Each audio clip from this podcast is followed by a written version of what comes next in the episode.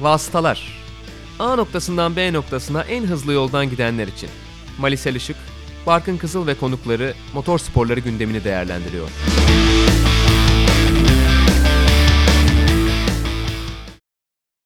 Milano'da kalktı tren, Monza'da yaptı fren. Bu atağıma cevap veren ya Verstappen'dir ya Leclerc.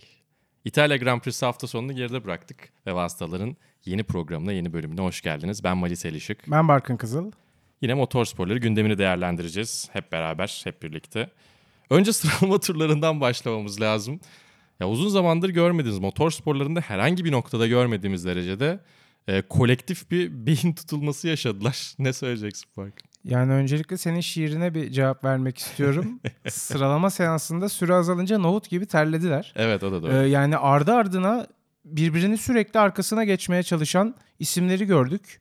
Ve bu mücadelenin sonucunda ilginç bir şekilde tura başlayamadılar. Bir derece kaydedemediler 3. seansın sonunda. Ve Leclerc pole pozisyonunda kalmış oldu. Tabi orası da tartışmalı çünkü Leclerc pole pozisyonunu alırken e, aldığı turda daha doğrusu Vettel'in onu çektiğini biliyoruz. Zaten konuşmaları da e, ayyuka çıktı. Sonrasında Vettel hızlı tur atacakken Leclerc aynısını yapmayı reddetti.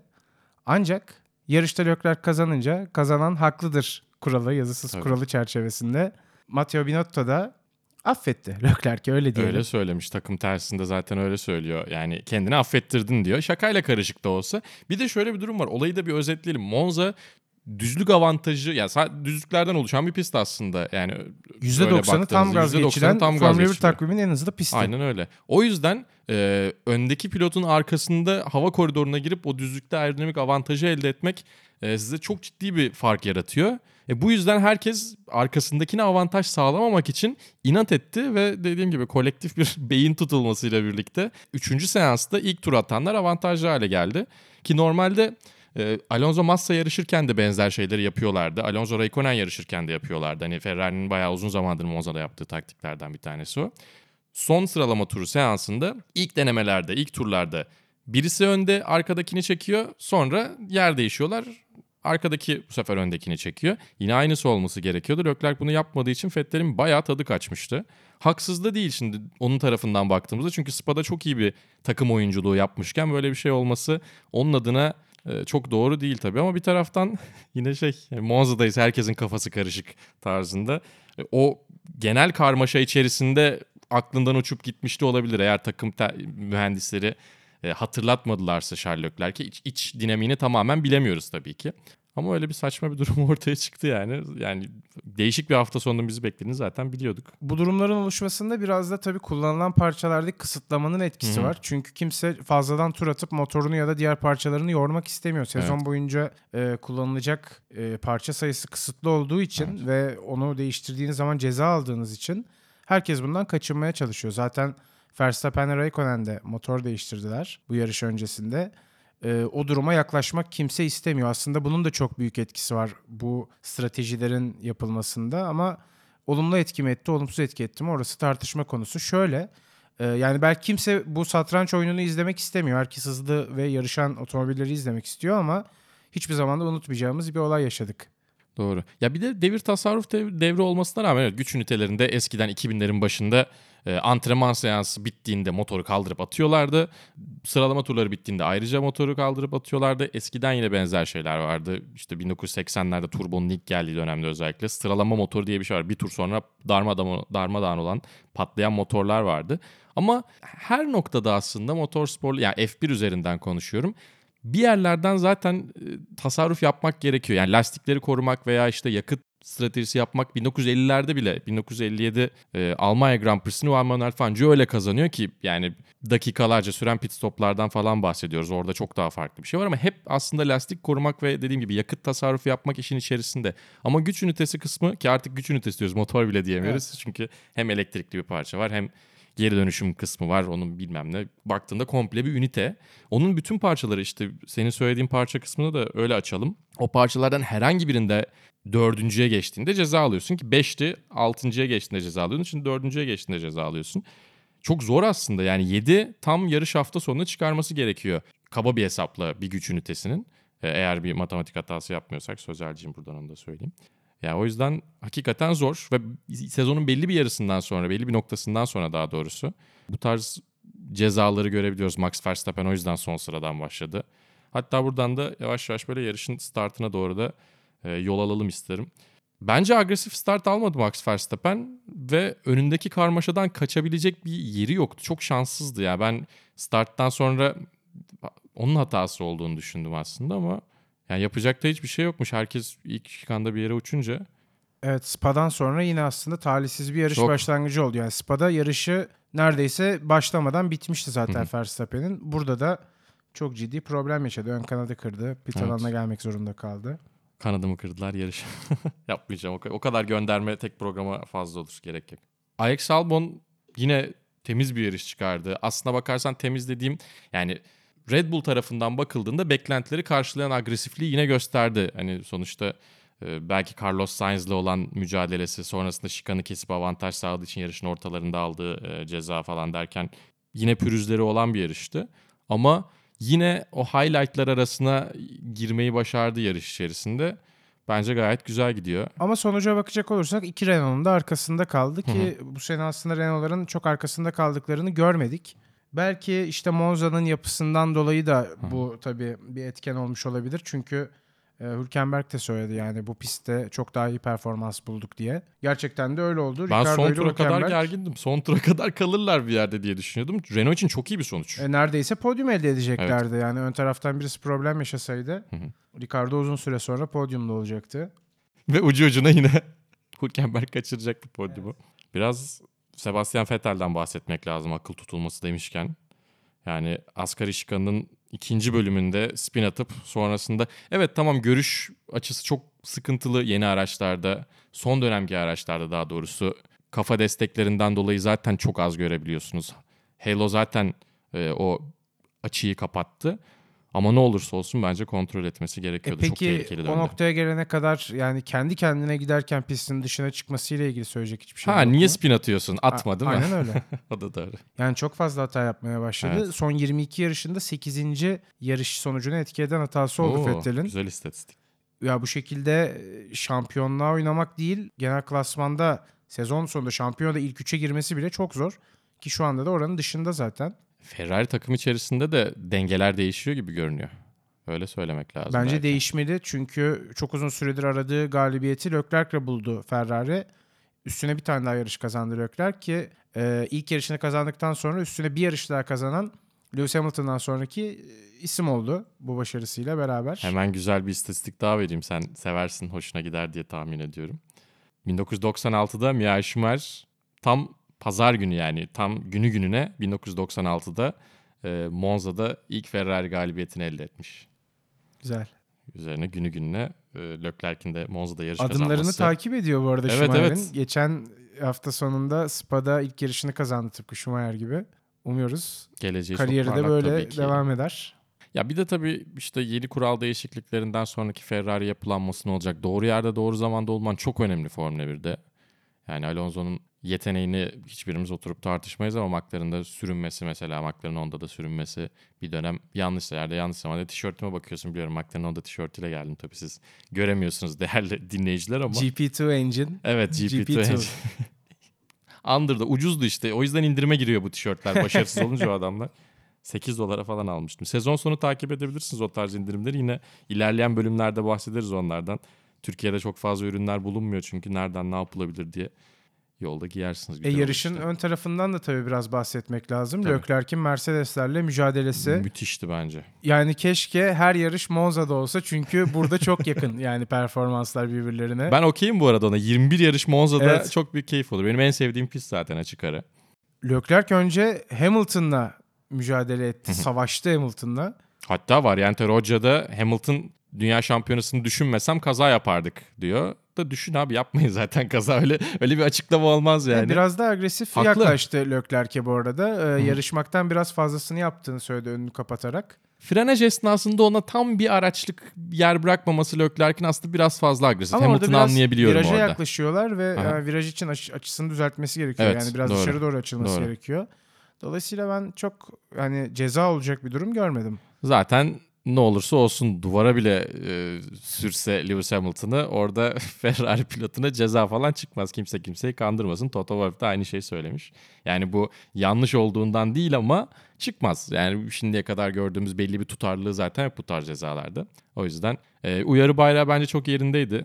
Siyah beyaz bayrak ama tabii ilerleyen yarışlarda bir sarı kart hakkımız var bunu dolduralım diye kullanacak mı pilotlar onu göreceğiz. Ee, yeni yarış direktörü Michael Massey'nin bence düşünmesi gereken şeylerden bir tanesi o. Çünkü hemen o zaman biz de yapalım her yarış bir tane tepkileri gelmeye başladı pilotlardan. Ama o da ince bir durum. Yani Çok ince. siyah beyaz bayrak yerine ceza da yiyebilirsiniz doğrudan. O da doğru. Yazılı bir kural değil çünkü. Hı hı. Direkt 5 saniye cezası da verebilirler zaten.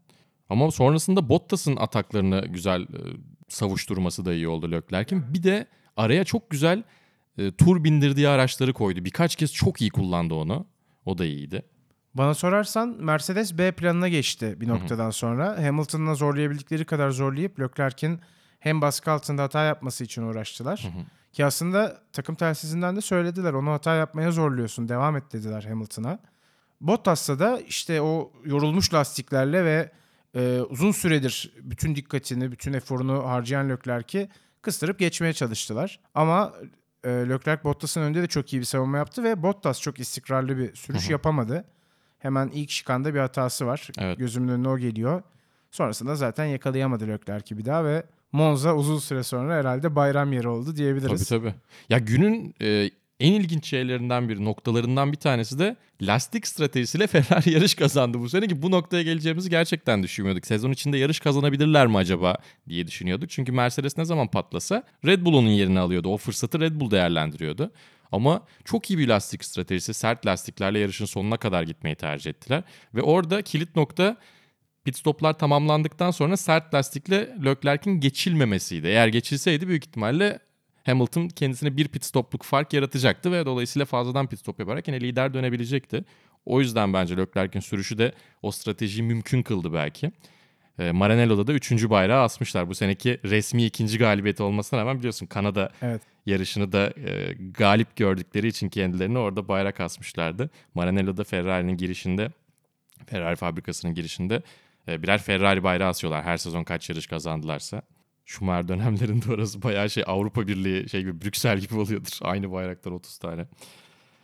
Böylece İtalya Grand Prix'sinde beklediğimiz aksiyonda aslında geride bıraktık. Ben beklentilerimi karşıladım açıkçası. Çok keyifliydi ve dediğin gibi keşke 21 yarışı orada yapsak.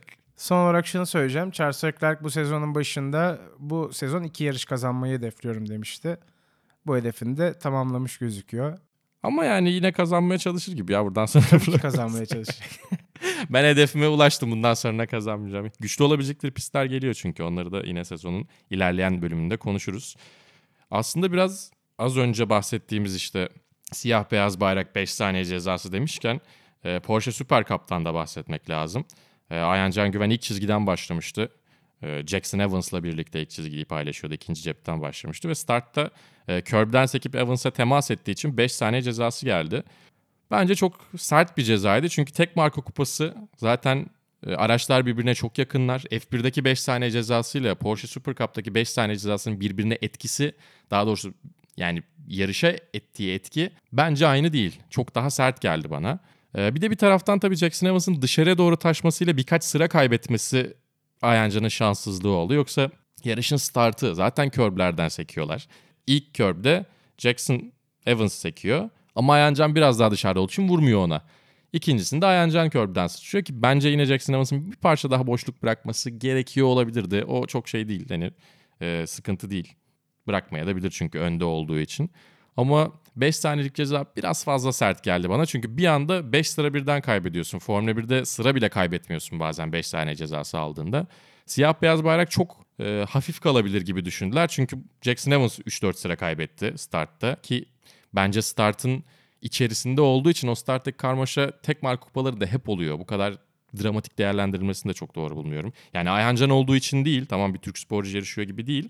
E, objektif değerlendirdiğimde de bence çok e, problemli bir ağırlıktaydı ceza. 3 saniye cezası falan gibi biraz daha böyle dengeleyebilecek bir ceza yapılabilirdi diye düşünüyorum. Ama o da işte kural kitapçığına bakmak lazım. Öyle bir şey ekleyebiliyorlar mı farklı seriler için diye. Sen ne diyorsun? Ee, şöyle açıkçası sıralama turlarının ardından Jackson Evans pole pozisyondaydı. Senin de dediğin gibi. İsmi Ayhan de çok havalı bu arada. Jackson Evans ama X'le. Şey gibi kötü adam karakteri gibi. Ee, şöyle bu sıralama sıralamayı gördükten sonra diyeyim. Ayhancan'ın ben şansını çok yüksek görüyordum. Çünkü Jackson Evans Porsche Super Cup'ta öyle hep ön sıralara oynayan sürekli işte yarış galibiyeti için mücadele eden bir isim değil. Dolayısıyla Ayhancan buralara çok daha alışkın bir isim. Sezonun başından beri neredeyse hep ön sıralara oynuyor Ayhancan ki bir yarış kazandı bildiğiniz gibi. Podyumu da var ayrıca. Ayhancan'ın bu yarışı kazanması bence olan senaryoydu. Ama işte o yüksek körbülerde araç havadayken çok da yapacağı bir şey yoktu bana sorarsan. Yani kazada biraz bunun da göz önünde bulundurulması gerekiyor. Ki e, Monza'da yine bu hafta sonu Formula 3'te o sosis körp denen körplerden sekerek havaya uçan bir araç gördük. Evet. Yani o noktalarda... Alex Peroni miydi adı acaba? Evet. Aracı kontrol etmek çok mümkün değil ve o tempoyla gelindiği zaman orada bir sıkışıklık oluyor yani. Ee, ki bunu aslında Formula 1 yarışında da gördük diyebiliriz. Arka bölümler akordeon etkisiyle birbirine girdi.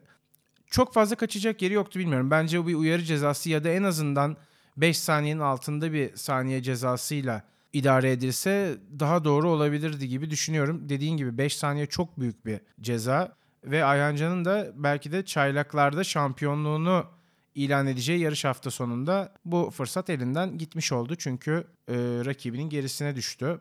Joey Mawson'ın gerisine düştü Hmm. ceza ile beraber. Dolayısıyla şampiyonluk Meksika'ya kaldı. Evet.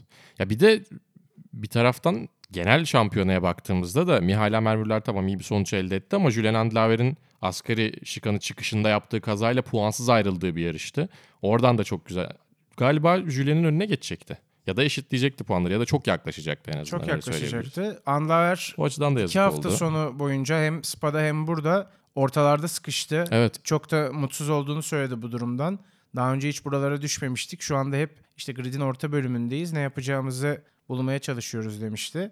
Takım arkadaşı Amer Müller o kapandan kaçmaya baş- kaçmayı başardı.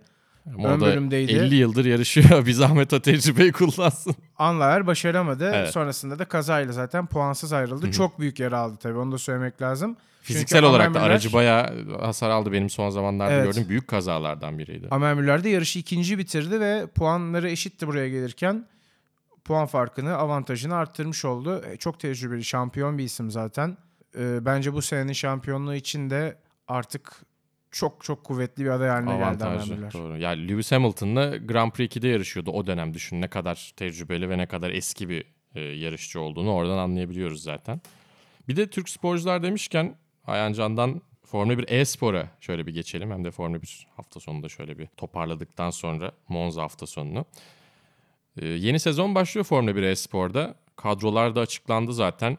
E, Cem Bölükbaşı Red Bull'da başlayacaktı sezona. Red Bull almıştı daha doğrusu transfer etmişti ama sonra Toro Rosso'ya kiraladılar. Böyle şeyler de oluyor bayağı kiralama, transfer, FM gibi o tarz hareketler yapıyorlar. E, Toro Rosso'nun takımı yine güzel ama bu sefer e, Frederick Rasmussen'i yani geçen sene e, Brandon Lee'yi en çok zorlayan, Mercedes'i en çok zorlayan pilotu ana takıma daha doğrusu Red Bull takımını almışlar. Ana takımda diyemeyiz. Çünkü Toro Rosso daha yukarıda bitirmişti geçen sene. E, bu sene Patrick Holzman'la yer değiştirmiş onlar. Onun dışında birkaç farklı kadro görüyoruz. Renault tamamen değiştirmiş kadrosunu neredeyse. Mercedes'te Brandon Lee duruyor ama takım arkadaşları değişti. Ya güzel bir sezon olacak. Biraz daha yaklaşırlar diye tahmin ediyoruz. Tabii bu sene e, Scuderia Toro Rosso yine aynı şekilde bir şeyler yapar mı göreceğiz. Artık buraya Ferrari'nin de katıldığını söyleyelim. En önemli eklentilerden bir tanesi Ferrari Driver Academy olarak katılıyorlar. Geçen sene yoklardı. Onlar bir sene bekliyorlar. Davet edin de öyle gelelim yapıyorlar. Drive to Survive'da da öyle oldu biliyorsun. Aynen öyle. İlk seneyi pas geçtikten Evet. sonra bu sene devam edecekler. O şey Birleşmiş Milletler'e davet edin bizi. Davetle giren tek ülke muhabbeti. David Tonizza, Amos Laurito ve Gianfranco Giglioli üçlüsüyle yarışıyorlar. Üçü de İtalyan. Baya böyle e, İtalyan e-sporcuları destekleyen. Gerçek hayatta bulamadıkları İtalyan sürücüleri e-sporda. Evet biz seninle geçen gün baktık. yani, kurumuş diyeyim. Gerçekten. gerçek ama- İtalyanlardan kimse yetişmiyor ya. Evet. Yani Giovinazzi dışında Luca Giotto'yu elle tutulur sonuçlar alırken görüyoruz. O da yine 200 senedir e, alt serilerde yarışan biri olarak bundan sonra çok bir yere ilerlemez Ya gibi. daha çok GT serisinde aktif gözüküyor İtalyan sürücüler ilginç Evet. şekilde. Onun da bir arada sonucu geldi. Avrupa şampiyonluğu belli oldu. Ondan da bahsedeceğiz kısa. Ondan birazdan sonunda. bahsedeceğiz. E, yine Gfinity Arena'da e, bu çarşamba başlayacak sezon. E, Cem Bölükbaşı'na da buradan başarılar diliyoruz. Onun dışında da tabii ki takip edin çünkü e, e-spor e, büyümeye devam ediyor. E-spor, motor sporlarında çok farklı branşlarda neredeyse her dünya şampiyonasının bir e-spor branşı var. Yani takip etmesi keyifli. Bir de bu yıldan itibaren yayıncılığı da gelişecek. E, kameralar, farklı kamera açıları ve reji yapabilecekler. Geçtiğimiz yıl en büyük problemlerden bir tanesi oydu. Bakü yarışında özellikle e, çok yanlış bir kameraya geçtikleri için düzlükte galip, Yarış sonunu galibiyet değişti. Ya yarışın galibi değişti daha doğrusu. Galibiyet el değişti de onu görememiştik. E, bu yıl biraz daha güzel bir yayıncılıkta bizi bekliyor olacak gibi görünüyor bakalım. Nerelerden izleyebileceğiz hep beraber bakacağız. Bu arada o seriye e, eğer yeterince çalışırsanız ve yeteneğiniz varsa siz de katılabilirsiniz. Şirinleri görebilirsiniz. Aynen öyle. F1 2019 oyunuyla e, bir e-spor sekmesi var. Hı hı. Oradan işte bütün dünyayla yarışarak bu seride yer alma şansına sahipsiniz. Yani ne kadar buna zaman ayıracak durumunuz vardır bilmiyorum ama onu da hatırlatmış olayım. Evet turlayın ya güzel olur. En kötü eğlenirsiniz. Bu, bu yolda elde ettiğimiz arkadaşlıklar. Superbike Portimao o zaman. Yine topu sana atıyorum. Evet, e, Portimao'da yine tabii gözlerimiz toprağın üzerindeydi. Aynı zamanda Jonathan Ray ve Alvaro Bautista da nasıl diyelim hayata döndü Alvaro Bautista ve mücadele içine girmiş oldular uzun Ya süre Bautista'nın sonra. ki çok acayip. Yani 2009'da Brown GP ile çok iyi sezona başlayan Jenson Button sezonun geri kalanında biraz bocalamıştı. 7'de 6 yaparak başlamıştı ama o biraz diğer takımların çift difüzörü e, tak- araçlara entegre edebilmesiyle alakalıydı aslında. Yani mekanik avantajları ortadan kaybolmuştu. 13 yarışı arka arkaya kazandıktan sonra bu kadar tepe taklak olan ben motorsporlarında sezonun ikinci yarısında bu kadar taklaya gelen birini hatırlamıyorum açıkçası. Vardır mutlaka belki hatırıma gelmiyordur ama yani Jonathan Ray sezonun ilk yarısında tam olarak yapması gerekeni yapıyordu ama biraz teselli buluyor diye düşünüyorduk. Ne olursa olsun puanlar toplayacağız. Sezonun sonlarına doğru bakacağız derken ya böyle diyorsun da Bautista şakaya gelecek biri değil diyorduk. Tam tersiymiş. Jonathan Ray gerçekten asla şakaya gelmeyecek bir sürücü olduğunu gösterdi. Yani sezonun ilk yarısında hiç umut yok gibi gözükürken ki biz kendi aramızda da biliyorsun konuşuyorduk. Evet. Herhalde yarı sezon, sezonun yarısı geldiğinde Bautista şampiyonluğunu ilan edecek gibi gözüküyordu. Ama Jonathan Ray sürekli ikinci oldu, sürekli ikinci oldu. Hep takibi sürdürdü.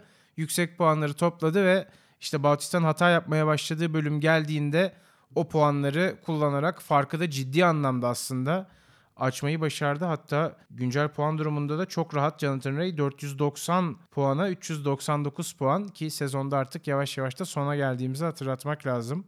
Senin İspanyolcan iyi. Ray İspanyolca'da Kral. bu kadar basit.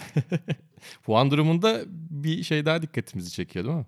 Puan durumunda dikkatimizi çeken diğer en büyük faktör Toprak Razgatlıoğlu elbette. Çaylakla e, düzeltiyorum.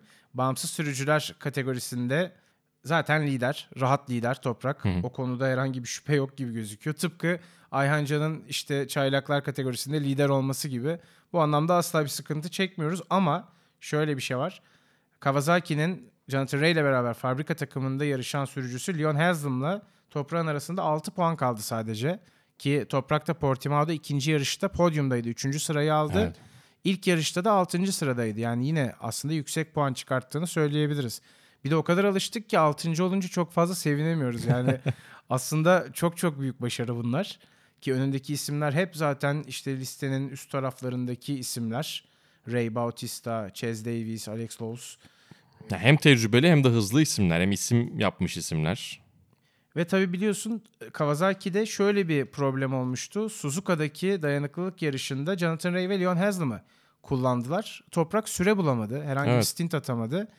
Üzerine çok fazla dedikodu dönmüştü. Hı hı. Şimdi Haslam'la Toprak'ın bu kadar yakın olması Haslam şans bulurken Toprak'ın neden bulamadığı sorusunu aslında Evet. bir kez daha canlandırıyor bana sorarsan ki Suzuka'da da Haslam motosiklete her bindiğinde Jonathan Ray'in gelip tekrar o durumu düzeltmesi gerekti aslında. Doğru. Yani bir de kadroya almışken bir stint en kötü ihtimalle bir stint yarıştırırsın. Yani o, ka- o kadar da değil bence. O yüzden biraz garip bir durum vardı orada. Zaten önümüzdeki yıl için de e, Kawasaki ile herhalde artık devam etmeyecekler gibi görünüyor. Ya bu uzun vadede tabii ne kadar avantajlı olur olmaz onu görmek lazım. Kawasaki hala çok hızlı, hala çok iyi. Yani bir şekilde bakacağız ama yani bir fabrika takımıyla birlikte Yamaha'ya gitme ihtimalinden konuşuluyor. Yani takip etmek gerekiyor. Şu an tabii ki güzel bir başarı var ortada. O başarıları takip ediyoruz ve arka arkaya sonuçlar geldikçe toprağında eli güçleniyor. Ama bence iyi kullanmak gerekiyor bunu. Çünkü padokta her zaman iyi strateji yapmak, iyi satranç oynamak gerekiyor. Sadece sonuçlar yetmiyor. Portimao özelinde bir de şundan bahsedelim. Toprak ilk yarışta 6. oldu demiştim az önce. Yarıştan sonra bazı problemlerle boğuştuk. O sorunları çözüp daha iyi olmak istiyoruz ikinci yarışta demişti. O hızı ikinci yarışta piste yansıtmayı başardı Toprak. Hatta yarışın bir bölümünde e, ilk yarıda hatta öyle söyleyeyim. Hem Jonathan Ray'i hem de Alvaro Bautista'yı geçip yarış liderliğine yükseldi Toprak. Ama Ducati o kadar hızlıydı ki asla Alvaro Bautista'yı durduramadılar. Yani her start finish düzlüğü geçilişinde Bautista gelip geçiş yapmayı başardı. Bir de bu sezon çok fazla düştü Alvaro Bautista. Sürekli kaza yaptı. Daha çok yakıt deposu doluyken yapıyor bu kazaları. Yarış ilerledikçe daha hakim motosiklete ve o tehlikeli bölümü atlattıktan sonra da zaten ikinci yarışı kazanmayı başardı. İlk yarışta Ray, ikinci yarışta Bautista kazandı. Hafta sonu böyle noktalandı. Uzun zaman sonra da yarış kazanmış oldu Evet. Alvaro Bautista. En son Chaz Davis yarış kazanmıştı Laguna Seca'da buraya gelmeden önce. Evet. Onlar için de bence iyi bir haber olmuştur ama Bautista da takımla devam etmeyecek muhtemelen onu da söyleyeyim. Evet yerine Scott Redding geliyor zaten. Bautista çok büyük ihtimalle Honda ile anlaşacak. Bir çuval e, para artık euro mudur dolar mıdır neyle anlaşmışlardı bilmiyorum ama çok sağlam parayla birlikte Honda ile anlaşacak büyük ihtimalle. Hemen onun yerini doldurdular zaten devam etmeyeceğini e, konuştuktan sonra kendi aralarında. Afyon motocross'a bakacağız bir de tabii ki. Yine Türk motorsporları adına güzel gelişmelerden bir tanesi. İkinci yılındaydı Afyon motocross. Geçtiğimiz yıl biraz daha sadece motocross parkuru vardı. Ee, bu yıl onun etrafına farklı şeyler yapmışlar. Biraz böyle ilgi alanları oluşturmuşlar sadece motorsporlar için oraya gitmeyenler için. Ee, sonra sen farklı bir projeden bahsettin galiba onlarla alakalı. Yani oradaki kompleksin büyütülüp sadece motocross değil başka motorspor organizasyonlarının içinde bir büyük tesis olması durumu söz konusu bildiğim kadarıyla. Bence çok güzel gelişme. Çünkü böyle yerlere aslında ihtiyacımız var ki atıl duran bir Formula 1 pisti ne sahip olduğumuzu da düşünürsek bence bu yöndeki yatırımlar motor sporlarını canlandırmak için çok çok kritik ve iyi ki de yapılıyor. Doğru yani uluslararası yarış serilerinin Türkiye'ye gelmesi çok önemli. O yüzden dediğin gibi yani pist günü dışında pek işlemeyen bir Formula 1 pisti var. Ve o pist gününde motor sporlarına direkt olarak çok bir faydası yok aslında. Ee, o yüzden dünya şampiyonalarının Türkiye'ye gelmesi açısından bence güzel. Ya, Afyon güzel bir tercih. Bir de alternatif bir tercih. Her zaman bu işler İstanbul'da, Ankara'da, İzmir'de, Antalya'da olacak diye bir durum yok. Marmaris'te de olabiliyor. Önümüzdeki haftada Dünya Rally Şampiyonası. Neyse Ee, ki ona tesis geliyor. gerekmediği için Tabii, tabii. e, doğası sayesinde Marmaris'te Çok güzel bir turizm çıkıyor. reklamı. Bir Evet. de Akropol Rally'sinden daha sert bir rally görüyoruz uzun zamandır. Ee, geçtiğimiz yıl süspansiyon katili bir e, yarıştı ve şampiyonayı da direkt olarak Alev etkilemişti. alan araçlar olmuştu. Tabii tabii her şey her şey vardı. Böyle bir şey değişik böyle Mad Max tarzı bir yarıştı. Bu yılda aynı dramayı bekleyeceğiz tabii ki. Geçtikten sonra önümüzdeki hafta tekrar bir geri dönüp değerlendirmesini yaparız. Motocross Dünya Şampiyonası Afyon ayağını da toparlarken kimler ne yaptı ondan da bahsedelim.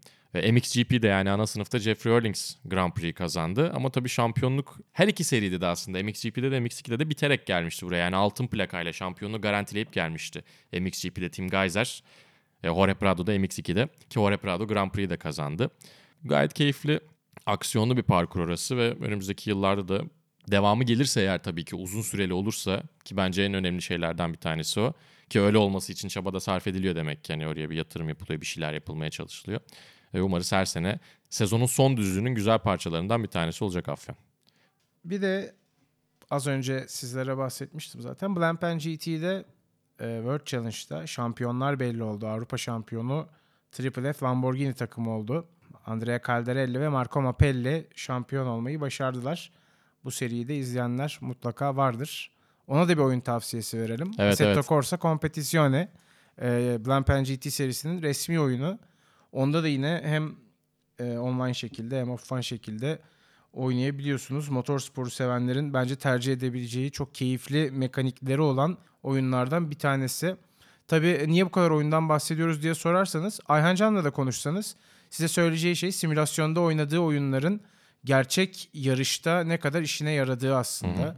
Çünkü orada aracın nasıl tepki verdiğini, hangi noktada pistlerin nasıl tepki verdiğini belki de yapılan hareketlere, hamlelere e, öğrenme şansı oluyor.